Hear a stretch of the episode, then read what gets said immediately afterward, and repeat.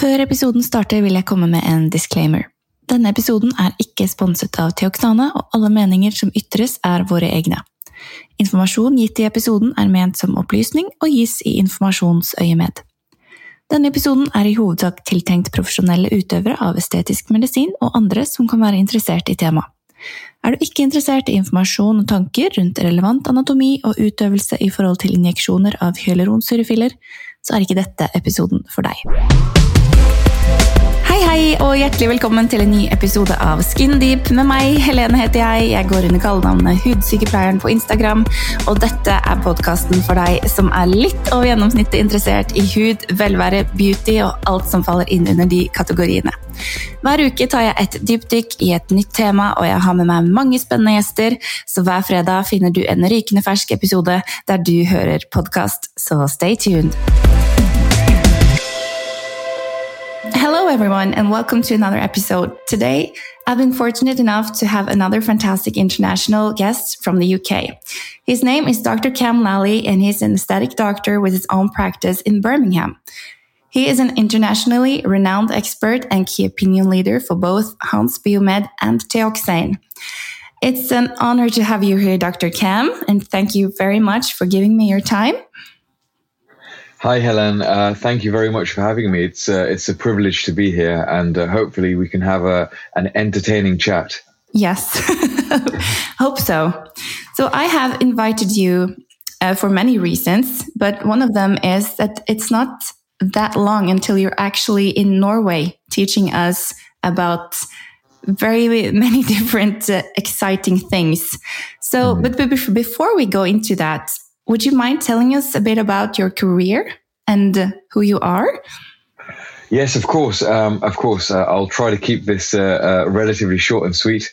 So, uh, I am a, a, doctor by qualification. I uh, qualified uh, in medicine from the University of Oxford in 2008.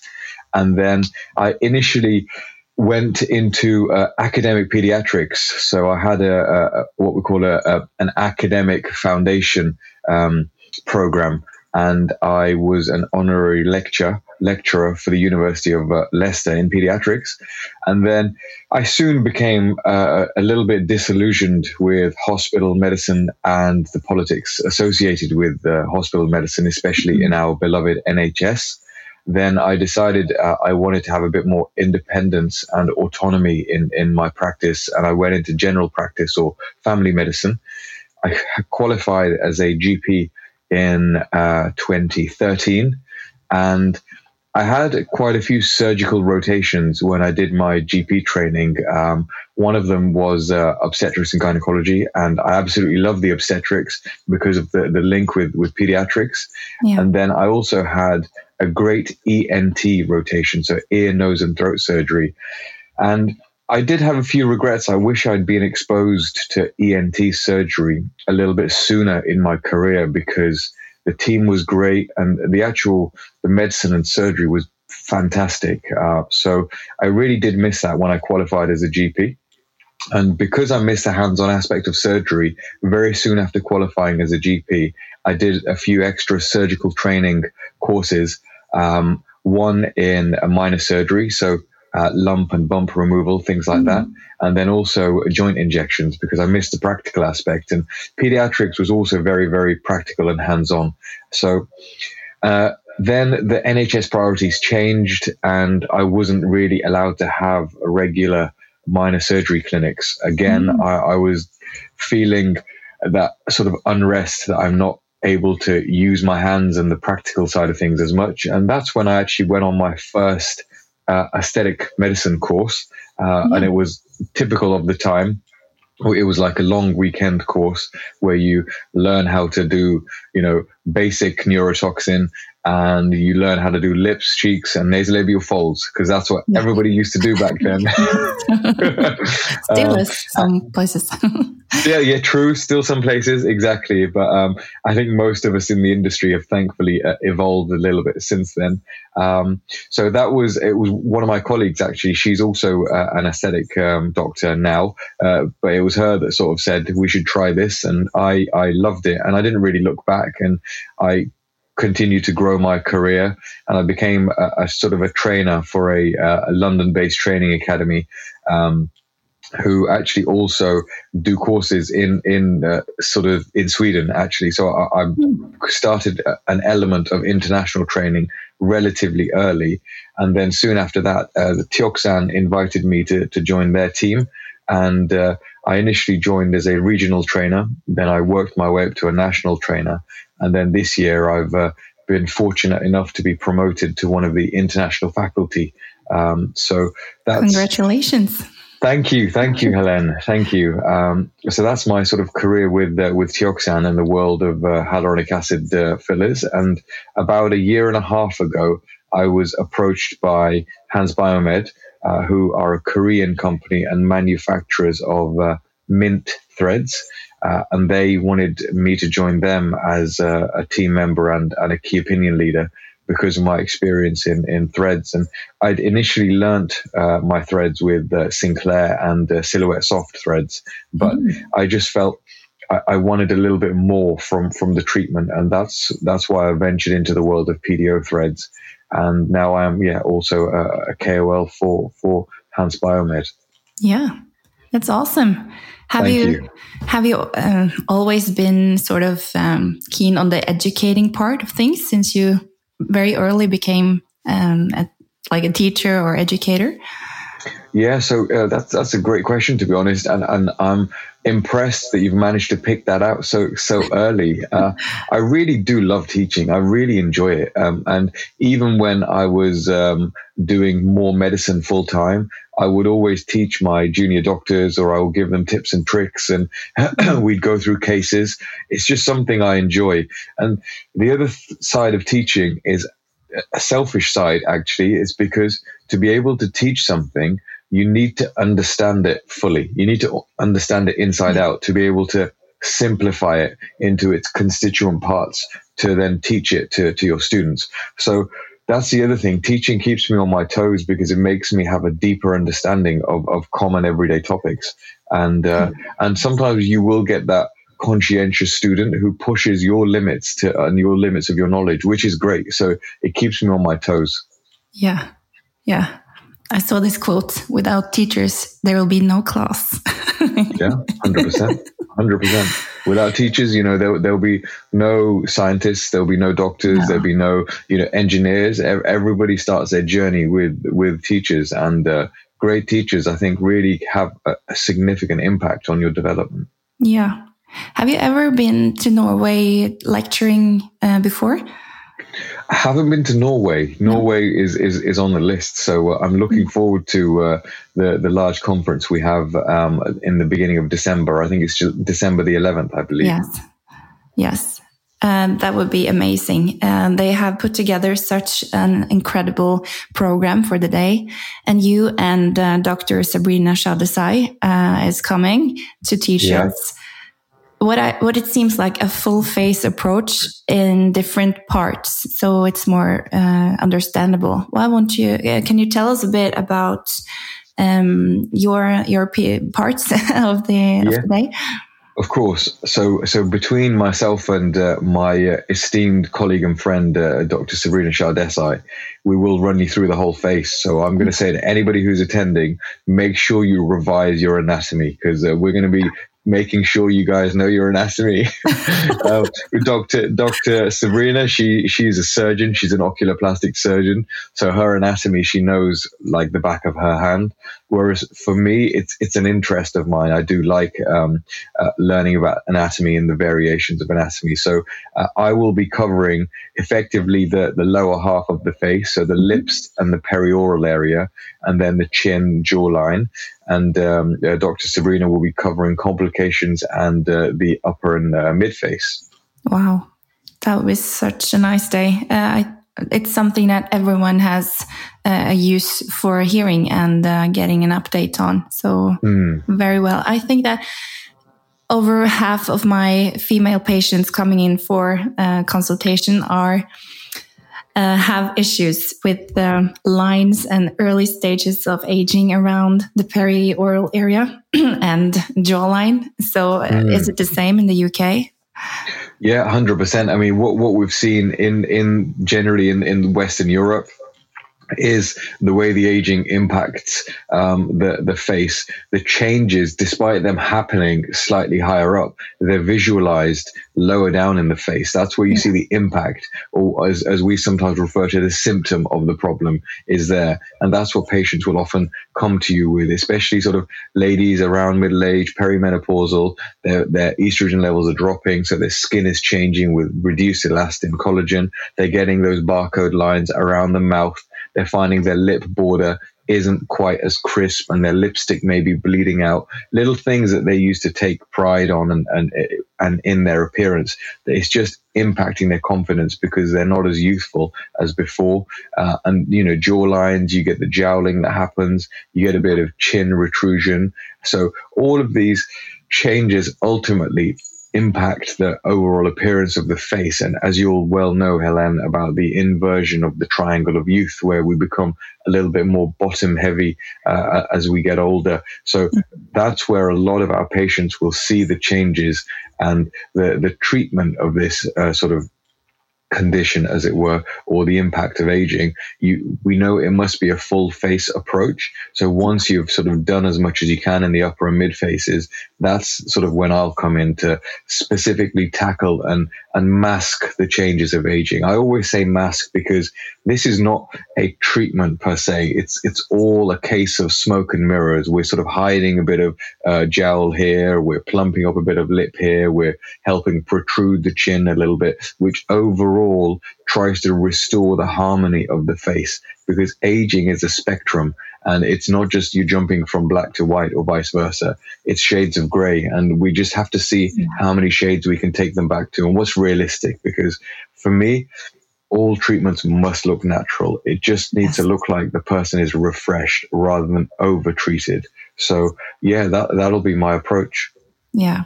And I think that the number one fear of most patients are to to look unnatural or overdone. Yeah. Um, that is um, yeah an issue. But I think also that it's um, like here in Norway, everyone like has their uh, price list, and yeah, the patients can pick and choose what treatment they want to do.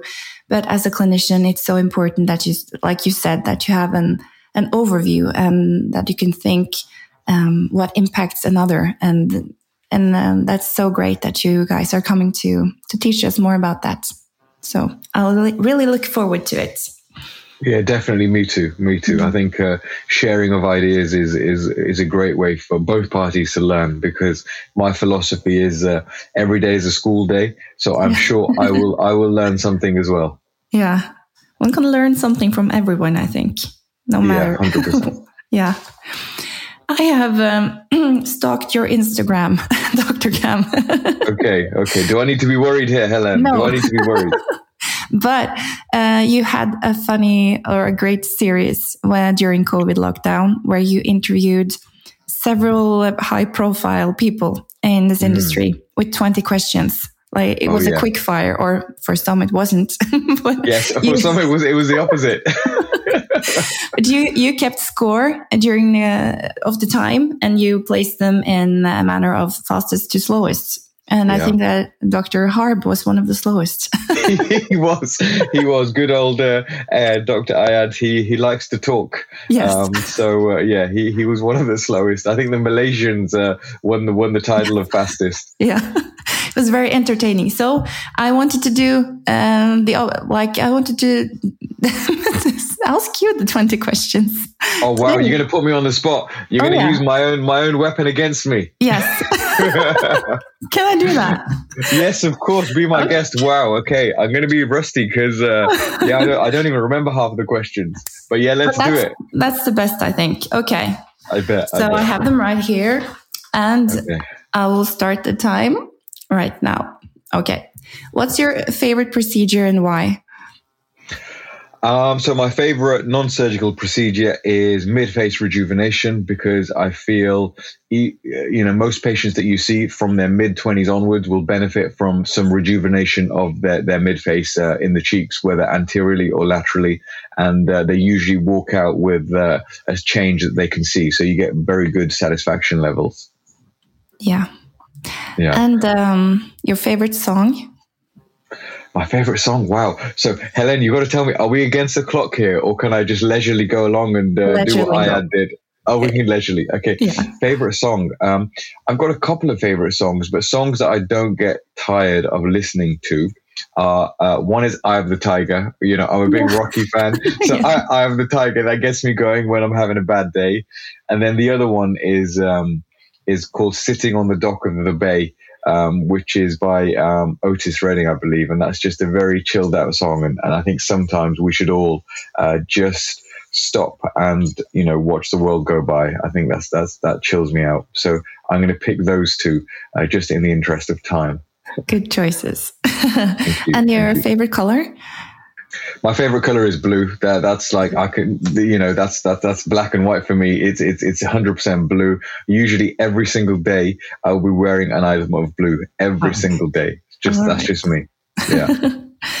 so, are you a tea or coffee person? Ah, oh, good question. So, traditionally tea. Um, so I'm I'm of uh, North Indian origin. I'm Punjabi origin. So we have our own sort of spice mix um, that, that we normally use, and and um, we we call it sort of cha instead of chai. I know uh, around the world, often people are familiar with the word chai tea latte, things like yes. that, but we call it cha. And uh, yeah, there's a certain blend of um, uh, masala cha that I, I, have in the mornings, um, and it's got things like cardamoms in and um, few of the secret ingredients, uh, which uh, which I'll I'll try and make for you when I come across to Norway. Oh, uh, but that, that's that's great for, for a cold uh, winter day, which it will be in December to, to warm you up, and and it's very light. It's not a heavy tea, so I like um, tea in that way. And otherwise, during the day, just to keep me functional and keep me going, maybe a couple of cups of coffee. I'm starting to learn a little bit more about the different types of coffee. And uh, if anybody wants to get me a coffee, I like a mocha cortado, please. Okay, okay. Good choice. Thank you. And uh, uh, what's your most used emoji these days? Oh wow, um, that's a good question. So they're your I, questions. yeah, sorry. So yeah, that, yeah, I'm, I'm, complimenting myself. Thank you, yes. thank you. Um, Good job. Most used emoji. So I'm I'm kind of a cheeky guy, and um, anyone who's friends with me knows that I like to push people's buttons, but all in good nature. So a lot of the time, I will be doing the the monkey face hiding uh, behind his hands after I've made a cheeky comment. Um, or the other one is the the the emoji that's smiling so much or laughing so much that they're crying because yeah. you know life is too short. So so you either either laugh or cry or you know i cry when i laugh which is which is fine. So yeah. those two those yeah. two. Nice. And do you have a favorite hobby? Favorite hobby? Wow. Um so I like playing football. I like playing football, soccer, uh, depending whoever's listening to this. But obviously, the, the proper term is, is, is football for it. And um, I, I, follow Arsenal Football Club, uh, and I have followed them for like 30 years. So um, they are a hobby of mine. Um, they are less of a hobby when they keep losing, but they are more of a hobby when, they're, when they're winning. Um, otherwise, what else do I like to do? Um, I'm a foodie, so I actually like going out to eat. So that's different to the whole socializing that everybody says, which is basically a nice way of saying we like to go out and get drunk. Um, I like I like to go out and sample sample food. I, I really do enjoy uh, going out and eating at restaurants, and obviously with friends and family. So enjoying their company. Um, what else? Something rare. I, I, like writing. So that sounds weird. I have I have a bit of a pen collection. Uh, I did start doing a bit of calligraphy, but then I never had the time to really uh, immerse myself into it. But um, yeah, I do like writing. So there, hopefully cool. that, that gives you a spectrum of hobbies. Really, it does. Leads us on to the next one. Uh, sweet or savory? Oh, savory, 100%. Okay. Like my favorite, give me fried carbohydrates covered in salt and I'm your man. It's so, so bad for you. I know, but rather than diabetes, I'm going to get hypertension. I'm going to, yeah, I'm going to be that guy because I just love salty fried carbs. So like potato chips, uh, you know, crisps as we call them here, I could eat them all day, every day. So I have to control that. Do you like go around to different countries trying their uh, national chips? Yeah, hundred percent. Yeah, you get different flavors, and then sometimes like something looks savory, and then I bite into it and it's sweet, and then I'm so disappointed. My, I live by the rule that you have to clear your plate. So even if I don't like something, I have to kind of finish it. So if I'm disappointed, I still have to finish it, but definitely savory. All right, all right. Do you have any current Netflix binges, or are you too busy? Um, so uh, I should say to you, yes, I'm too busy, Helen, but unfortunately, I find the time to uh, binge. Um, so I, I, finished Squid Game uh, a couple of weeks ago. I thought that was uh, okay. I'm not sure if you've watched that Squid Game, the um, Korean. I'm just on drama. episode three. Yeah. Okay. Um, so my opinion in 30 seconds before somebody absolutely lays into me, I think it is overhyped a little bit, but I can see what the attraction to it is. Um, so Squid Game was good. Um, what am I? So I'm currently watching um, You, the, that kind of weird psycho psycho sort of drama. Mm-hmm. Um, my wife um, hates it, so so I have to watch it myself because she thinks it's too uh, too weird. But I think it's it's very cleverly filmed, um, and I think the plot line is is quite clever. So that's my current. I wouldn't call it binge because I'm only sort of watching an episode every few days. But something I binged on was like Money Heist. If anybody asks me about Netflix, like Money Heist is, Money is just Heist. phenomenal. Um, or it, Casa de Papel uh, is is how it's entitled, but the English version they called it Money Heist. It's in uh, Spanish. Um, so I actually watched it in Spanish with subtitles. I, I felt it was more dramatically uh, uh effective that way. Yeah. and uh, if you were a superhero, what would your powers be? Okay, wow. So my ever since I was a very young boy, my thing was languages, and and I said we had this chat briefly before. Is yeah. that you know how great your English is compared no. to my Norwegian, for example. Um, my, if I had one superpower, it would be to be able to speak every language, and that way I yeah. could communicate to everybody on the planet. And I think a lot of the problems that are caused today, from minor things to the bigger things, are a miscommunication. So I think if we can all communicate with each other and remember that we're part of one big human family, uh, it makes everybody a little bit more united. So yeah, I don't need super strength or laser vision. I just want to talk. that's one of the better. That's one of the best answers on that question. You and uh, Shino Bay, my oh, favorite. Yeah. Yeah. Yeah, yeah. Thank you. She knows she he's a he's a soul brother. He's yeah. uh, definitely in tune with the energies. Very much. yeah. But uh, if you weren't in aesthetics, what would you be doing? Good question. Um, if I wasn't in aesthetics, so I'm going to assume if I wasn't in medicine completely, yeah. because then I, would just say, oh, you know, I'd be I'd be a family doctor. Um, so I had a very very strong interest in astrophysics. So every boy wants to be a, an astronaut, but for me, like I was absolutely fascinated with you know the universe the big bang with matter um, so for me if i didn't go into um, anything to do with biomedical sciences I think I'd go into something to do with astrophysics. Um, I know a lot of our colleagues have great entrepreneurial streaks and they'd be some sort of business person, but I think I'm probably an academic at heart and I'd probably go into something to do with um, diving into the, the deeper mysteries of the universe of how we got here and why we're here, maybe. That's getting a bit deep. it is, but it's so fascinating. I'm so fascinated with the solar system and uh, space, and yeah, I can relate. Yeah. for sure. Yeah, yeah. for sure. So, uh, on the matter of exercise, cardio or weights? Uh, weights, man. I'm just not built for cardio. Like if, if you eat, if you eat fried salted carbs, you're not built for fry. You're not built for cardio. You're built to lift heavy things. Yeah.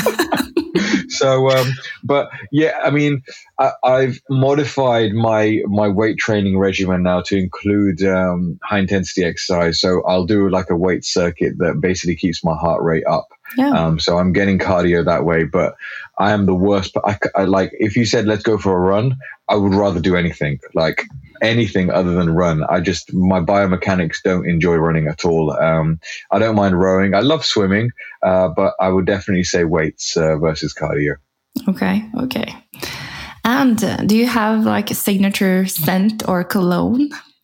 Okay. Oh, yeah. I remember this. I remember this uh, question.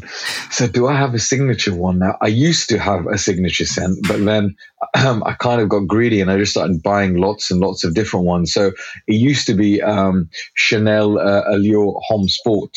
Mm-hmm. Um, that was my signature scent. But now um, I've gone a little bit more posh, and I'd probably say um, it's one of the Tom Fords, um, probably ombre um, ombre leather. I think is is one that I kind of like, and it's not too heavy to to wear. Yeah, yeah, yeah. And um, favorite actor or actress?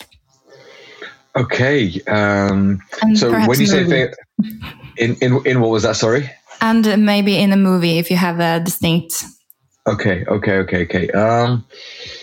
I like Daniel Craig as as the Bond, and I, literally that's the last movie I saw about a week ago in the cinema. Um, he's not my favorite actor of all time. So when you say that, immediately like Nicolas Cage pops up in my head. So Nicolas Cage is probably my favorite male actor. Um, you know, closely probably followed by like Sylvester Stallone. I grew up on like the Rockies, the Rambos, all of those sort of films. So he's just he's iconic, uh, and and I could watch any of his films um, again and again. But Nicolas Cage, uh, if you if you want to say purely for acting skills, because um, yeah, Sylvester Stallone, there's not a lot of acting. There's a lot more action in, in, his films. Yeah. Um, actress, actress, actress. Um, I'm not sure. Natalie Portman. Natalie Portman yes. definitely comes up as as as a, uh, one of the greats. Um, and then probably Angelina Jolie uh, because again the the wide range of roles that she can do. Um, yeah, I think that's it. I think that's yeah. it. I mean, Judi Dench is amazing. You know, M from from the old uh, the the previous Bond films. She's a really really great actress as well. I'm just trying to mix it up a little bit because uh, I don't want people thinking I've just picked uh, Natalie and Angelina because of the the, the eye candy aspect of it. oh dear. You overthink it. I think, yeah, I think I'm overthinking it. But if you had an alter ego, what would his or her name be? Okay, um, alter ego. So when I was a, a, junior doctor and I started off um, in my first job, which was a cardiology job, one of the, the seniors there just called me Mac, which is Cam reversed. Yeah. So instead of calling me Cam, she used to call me Mac. Uh, I don't know why she, she did it, but um, yeah, I guess my alter ego would be called Mac. Um, was, was, there any other part to that question, or was it just the name of my alter ego? Sorry, I, I, I no, it was uh, it was a name. Yeah. Okay. Yeah, mm-hmm. Mac. We'll call him Mac. M A K. Okay. Do you have like a charitable cause that is close to your heart? Okay, so um, I, I, try and contribute to as many charities as, as I can. Um, the, the regular ones for me are uh, providing safe, clean water for for uh, communities that, that struggle with that because I just think it's such a basic basic human need. Um, and then also um, there's uh, a couple of charities that I contribute to that are about empowerment um, and education of women in rural communities across um, sort of the third world, you know, certain part of South America, um, Africa and Asia, because what data has suggested is if you empower the women and give them the means to, to run a household and give them enough resources to do that, more often than not, they will actually help lift the family out of poverty and make sure that the family unit is is working, i.e., the children are, are getting educated, they're getting fed.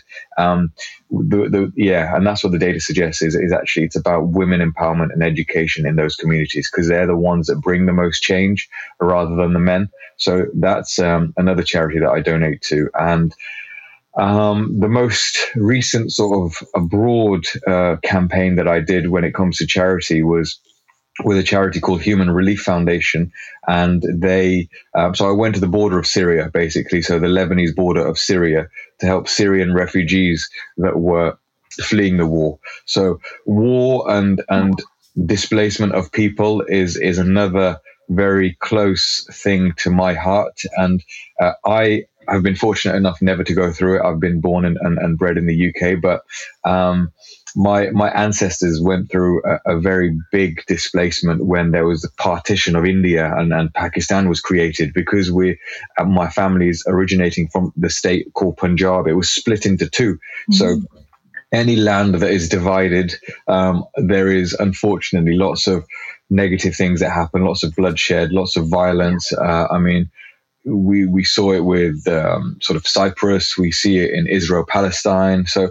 any land that becomes divided, I think, creates um, a lot of homeless people and the more vulnerable um, sort of uh, these so the younger children and the elders uh, or the elders often um, really really struggle. So that was um, my last deployment was was with Human Relief Foundation to the, the border of Syria to help uh, distribute food and fuel aid in the refugee camps. So uh, I can't say that that's not close to me because I, I did that hands on and uh, that was a really worthwhile experience. Wow, that's amazing. Must be such an impactful experience to take on. Yeah, for sure. For sure. I think when you're there, you just, you as as as healthcare practitioners, you you as a nurse and myself as a doctor, when you're in almost a crisis situation, you you go onto autopilot because you know there's a job that needs to be done at hand, and yeah. um, you don't take in the exact nature or the gravity of what's going on because you have to get on with the job. People need your help. You need to be functional.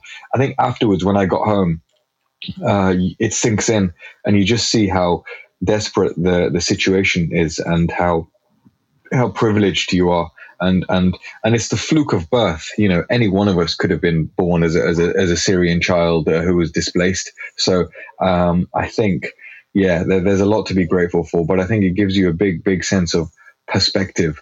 And I think you just reevaluate what's important in life when you have uh, these sort of experiences. Yeah, definitely. Definitely. Oh, yeah. So the next question is, yeah, jumping on from that topic to a more J- jumping on. Lucky we don't have a time limit, Helen. Yeah. Otherwise, we'd be here till tomorrow if you kept me talking. You'll lose your own competition. exactly, I would lose it. I would take the the title of slowest away from Doctor Ayad. oh, oh but uh, top three dinner guests, past or present.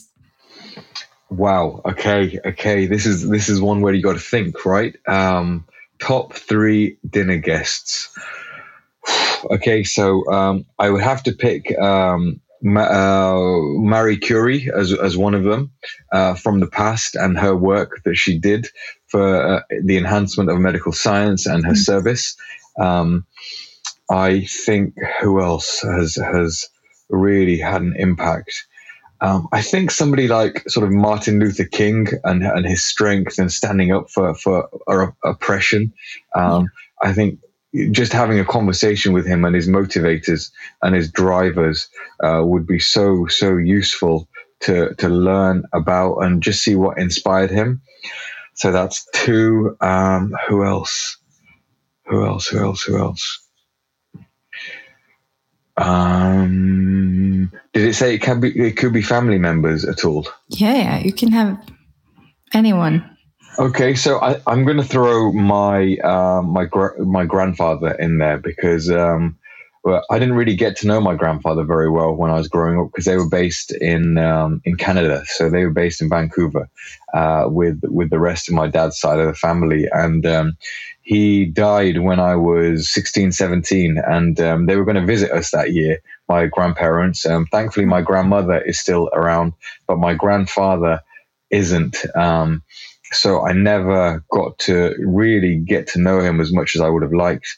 So I would like to say, I would like to say both grandfathers, because if my mom is listening and she's like, you're going to pick your, your dad's side over me. And, and my, my maternal grandfather, he passed away when my, my mother was young, when she was uh, barely a teenager. So she didn't even get to know him, let alone me. So I'm going to kind of cheat and, and get both of my grandfathers on that dinner table. And I think that would be just lovely to, to, hear them and their stories about their lives and and you know i think um, our, our family members are, are our closest links to our past and our origins and it'd be just useful to know what sort of men they were and see whose traits I guess I inherited. Yeah. Yeah. Good answer. thank you. Thank you. And what did you have for breakfast today? What did I have for breakfast today? So I had some uh, homemade um, bread. I didn't make it. I can't take the credit. Um, my my sister made it. She made um, uh, yeah, wholemeal bread with uh, pumpkin seeds and poppy seeds, um, wow. and like loads of healthy stuff in. Sounds and nice. she, yeah, she's absolutely perfected bread making now over over this uh, COVID period. So yeah, I had some I had some toast from from homemade bread from my sister, and then I had some uh, masala cha. I had, I had my uh, the the spiced tea, and Yeah. that sorted me out. Yeah, Nice. thank you. And uh, you have a question that's called Nando's. How spicy do you like it? And we don't have Nando's here, but okay, I, I, get, I googled, and it's like Chipotle in America, I guess. So yeah, yeah. spicy food So- restaurant. Yeah, so basically Nando's here is it's it's a chicken restaurant, but it's not fried chicken, which Oh. is like we see as fast food. It's grilled chicken, and they use um, a spice called peri peri, um, which is I think it's an African chili, um, but the Nando's theme is Portuguese, so it's like basically uh, Afro Portuguese grilled chicken, which is a bi- Okay. it's just a big thing here. Um, Yeah. But it's basically to work out how spicy you can handle your food. For Yeah. me, I'm not even going to lie. I have to have it mild. So there's only one category that is um, softer than mild. It's just lemon and herb, which is like zero chili. I can handle a little bit stronger than lemon and herb, but I can't do hot and extra hot. I, I just I I like the taste of chili, but I can't handle the heat. no. Yeah, same here. same here. Yeah. so yeah, we'll stick to mild. Yes. Uh, do you have like a favorite accent from anywhere in the world? Oh, oh yeah, I remember this question. Yeah. These are good questions, you know. Yes. On that. um, my favorite accent. Uh, which accent could I listen to um, all day long and not really, uh, not really complain? Um, so okay, there's a couple. There's accents that I think are cool. So like the the like the New York, New Jersey accent. I just think it's cool because of the the films that I've seen. And you know, have your coffee in the morning. Yeah. I just think it's cool. I think that's a cool accent. But I'm sure I'd probably get bored of it. But um, an accent, French is obviously amazing. Everybody loves a, a, a great French accent. But I think I was Italian in a past life. So so actually, the Italian accent. And I know this is a podcast, so our, our listeners can't see me on video, but you can see my hands are all over the Yes. place. I'm like the most animated guy ever. So uh, I'm going to go for Italiano. Italiano. Si. I see. It's oh, dear. yeah. Yeah. Okay. Um, top tip about life, aesthetics, whatnot. Any tips you can give anyone? Okay, um, top tips. I think generally about life. Um, be generous as much as you can. I think you know, be generous um, until you you feel you can't. So when I say be generous, be generous with your time. Be be generous with your your friendship. Um, be be generous with your love. Be generous with your knowledge. Be generous with with your money where you can be. Um, and I think um, in this in this life, you take nothing away with you. So this is a, a thing from Alexander the Great. He said that when, when he passed away, he told his closest aides, he says, make sure, um, when my body is being paraded, that everybody sees that my hands are completely open. Um, because despite conquering the world and being one of the sort of most famous conquerors with the biggest sort of landmass to his name when he died, he's taking away nothing. He's taking away zero into the next life or beyond, whatever you believe in. Yeah. So, what you can uh, afford to do from a time perspective or a money perspective, just give because I think all you leave behind are, are the, the memories that you've created for yourself and, and for those around you. So, try to make them as, as positive as you can. Excuse me, I'm going to cough. there we go. That's not me getting emotional with that response. I promise you.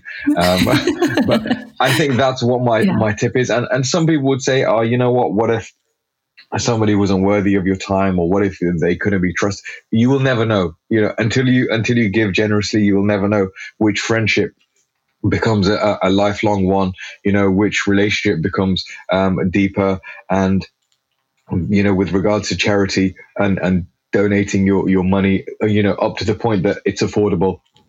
You don't know how much that could have an impact on anybody's life. So um, I think, yeah, give give as much as you, you can within limits. And again, obviously, if somebody's taking advantage of that, then you can stop that. So you do need to preserve yourself, but otherwise, just give. And uh, I think you will leave a much more sort of satisfied and, and content person at the end of that journey. Yeah, well, that's true wisdom right there. Thank you. Thank yeah. you, Ellen. you should have, well, in the Norwegian um, culture, we we had Vikings, right? Yeah, a long time ago. Yeah, you could have taught them something because they they took everything when they they, they took a lot. They took a lot. the boat, oh, the maids, the gold, the swords, everything was buried with them. It was uh, yeah. yeah. Yeah. exactly, and uh, we take nothing away with us. Uh, yeah, that's that's that's important to, yeah. to remember. So we winded up at 25 minutes, but I did tell you to take it leisurely, so that's okay. Yeah, and, and, hopefully you get to know a little bit more about me and, and yeah. who I am, because uh, I think when fun. it's quick fire, then um, you just get the sort of the snapshot. But when you're allowed to expand upon the answers, you get a bit more of an insight of, of the person. So hopefully yeah. you guys know a little bit about me. Yeah, I'm really happy we did that. Great. But over to some more hyaluronic filler questions. Yeah, let's do yeah. it. Let's get down to business. Yeah, That's get it. down to business. Okay, so if you only had one to two mLs of filler, where yeah. would you place it to make the most impact on someone's face? Okay, so that's a loaded question. So I'm going to fire back another loaded question. I think it depends on obviously age, on the aging process, and where they are on the aging spectrum. So I don't mean that numerically, but I mean by biologically where they look like they've aged. But usually the most bang for for your buck. Um, we, we know from some of the academic papers, obviously this is uh, from a Cotofana study that if the the area that requires the least amount of uh, treatment to show the most on the surface is the, the medial SOOF, so the suborbicularis oculi fat, which is effectively to me and you um, the, the, the, the SOOF, like I said. But to people who are listening who may not be medical, it's the front part of the cheek just below the eye, which uh, will show the most um, because you almost get a one to one correction with regards to volume inserted and the change you see on the surface. So that's my academic answer to you. Um, otherwise, usually, like cheeks and chin, you know, if, if you focus on the cheeks and the chin, if you have enough left from that second mill, for example, you will make quite a significant impact uh, in um, balancing the profile and restoring some of the skeletal structure. I think when you've got such a small amount of product to play with, you have to go down to the foundations of the face and yeah. and try to reinforce or strengthen them and um, you know start off with the mid face and if you've got anything left pop it in the chin otherwise just focus on the mid face because it will help the area above it and below it and often the area that shows the first signs of aging is peri-orbitally so around the eyes so supporting the mid face will offset the uh, the visible signs of aging around the eyes so hopefully that gives you a, a, a decent answer yeah, yeah, absolutely. And um, there is a discussion now uh, within mm -hmm. business that a filler can lift. What is your opinion? Can a filler lift? Wow, you went there, Helen. You went there. Sorry. Dangerous. You were in Monaco. You know the debates that were happening between uh, the uh, the different thought uh, schools here.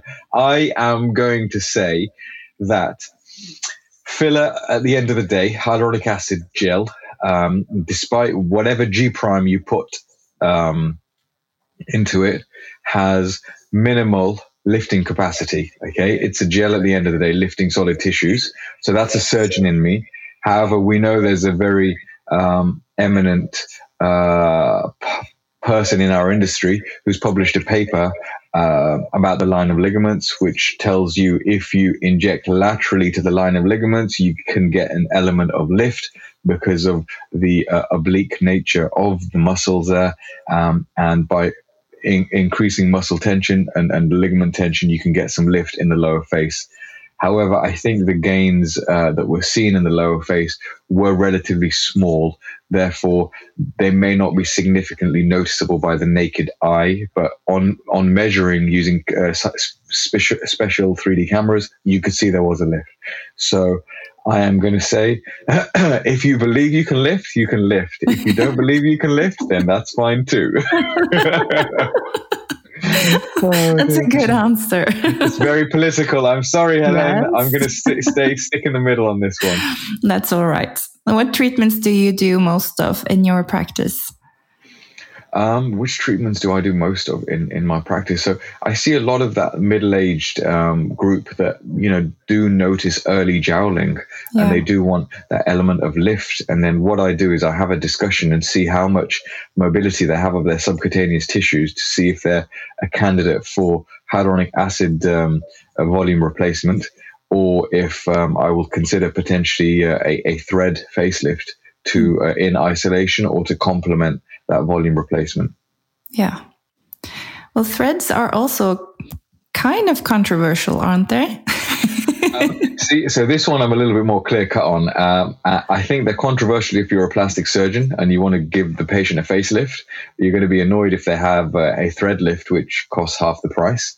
Um, uh, so um, I think threads uh, can be controversial if you don't have adequate experience with them or you don't have um, adequate patient selection criteria beforehand.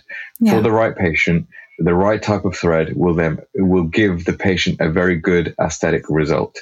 And um, I think they're the main caveats. There is is patient selection and choosing the right thread because threads do lift. That's that, that evidence is very clear cut. What often practitioners may say is that that lift isn't sustained, and you know eventually the the face will return to its baseline, but what you've done is you've stimulated a lot of collagen in the meantime, which is only going to help with the, the, the, tissues and trying to keep things tighter. So uh, I I am a fan of threads. Yeah, yeah, good. Yeah, and um, I was wondering if you have like um, an end game in your career or something that you work towards that you haven't achieved yet. Okay, um, that's another good question. Um, an end game. Wow, I've never really thought about that. Um, I, I, mean, I'm I'm motivated by the enhancement of, of knowledge and the ad- advancement of the field. So, I mean, having a chain of ten clinics that that sort of that for me just feels very stressful and not very satisfying. So, for me, that's not the motivating factor. Is to have um, basically lots of businesses and lots of money coming in. Um, obviously, everybody likes money and you need it to pay the bills, but I just think um, just just a little bit more academic and maybe having an affiliation with with a university and, and I think pursuing a little bit more on the teaching side of things. Um, anybody who's a teacher or an academic knows that that's not where the money's at, but um, that's not my main motivation in life. I think my um, I enjoy teaching and seeing the development of students. So I would like to enhance that role really. Um, I haven't thought about it long enough, uh, Helen. We haven't got long enough for me to give you. That's that's an essay question for me. yeah. This is where I get my uh, my fountain pen out and yeah. my fancy ink, and I start writing you an essay. yeah, I put you on the spot there. Sorry. No, that's okay. That's okay. Um, yeah, I haven't thought about Endgame really. Yeah, I I have a question that is what work is most meaningful to you, but I think we know the answer already. yeah, I hope I hope I've answered that uh, yeah. between all of the, the bits and bobs we've been talking to. Um, ultimately, I want to leave this planet a better place than than when I uh, came to it. So um, you can do that via multiple means. Like I said, charity is one way, teaching is another way. Um, uh, so yeah, I think s- somewhere in between, just try and uh, leave leave the place better than you uh, entered it. Yeah. Are there some parts of this medical aesthetic industry that really bothers you or that you wish you could change in some somehow? Okay, well, again, a little bit of a controversial question here, Helen, because you and I know there's lots that we can change. Um, okay, one thing that I've always been a fan of and that I've always tried to push is collaboration um, between different countries, between different companies. You know, I ultimately understand that they're they're rivals. Yeah. Because they're rival businesses. Um, you know, it, I'm going to say McDonald's and Burger King because I'm not going to mention any companies in, in our industry, right? Um, but imagine if they collaborated and made some like super burger like the Muck King burger or something. How cool would that be, right? Yeah. How cool would that be? So I think collaboration for me, because that's how we get better rather than um, sort of having separate sort of um, hubs and and having you know this team versus this team why not we all work together and uh, you know do something collaborative because i think when when people come together minds come together that's when you make true progress so mm-hmm. I, I, guess that's one thing that would be nice to change is have a little bit more collaboration yeah what are your thoughts i'm going to flip that on you because that's an interesting question well um yeah i think it's in the same the same area. I it's all the rivalry is really unnecessary, and um, yeah. if we can put more money into research in this industry, uh, I yeah. think we all be better off and have yeah. more and greater products to offer our clients uh, at the end. So yeah, yeah. Yeah, I agree. Yeah, research and, and regulation. I have to throw that in there because yeah, I, I, mean, you so. know that I mean the UK market is like the wild west here. So um, yeah. I, I, would be yeah I would be um, missing a trick if I definitely didn't say regulation. So yeah, research and regulation. That's what we need. R and R. Yeah, we agree. yeah, we agree definitely. well, Kam, I'm really thrilled to have had you on this podcast. Thank you so much for contributing with all your knowledge and fun, fun information. It's really nice to have you here. Oh, genuine pleasure, Helen. Honestly, and uh, I look forward to uh, catching up with you in person in uh, in a few weeks' time. Yeah, definitely. And would you will you please tell our listeners where they can find you on Instagram and what web uh, pages where you share um, your knowledge? Um, yep. So Instagram's usually the best way to catch me, and it's at Doctor. So Dr. Kam K A M Lally L A L L Y. So at Dr. Kam Lally, and uh, yeah, you can uh, catch me on Instagram. And uh, I've been a little bit quiet on on the Instagram just for the last few months because I've been focusing on family and a few projects, but. I'm up and running on there, and uh, yeah, you can catch my stories to see what I do uh, in my day-to-day practice, or if I'm uh, teaching or training or lecturing, that's a good uh, window into my daily routine. Um, yeah, that'd be great for, for you guys to support me. Yeah, very good. And we will see you and uh, Dr. Sabrina at the Teoxane Academy Training Day in Oslo, December 11th, and we can't wait. Yes, perfect. Uh, look forward to I can't wait either. Yeah. well, thank you so much and have a wonderful day. And we'll see you soon. Thank you. Bye bye, Helen. Take care.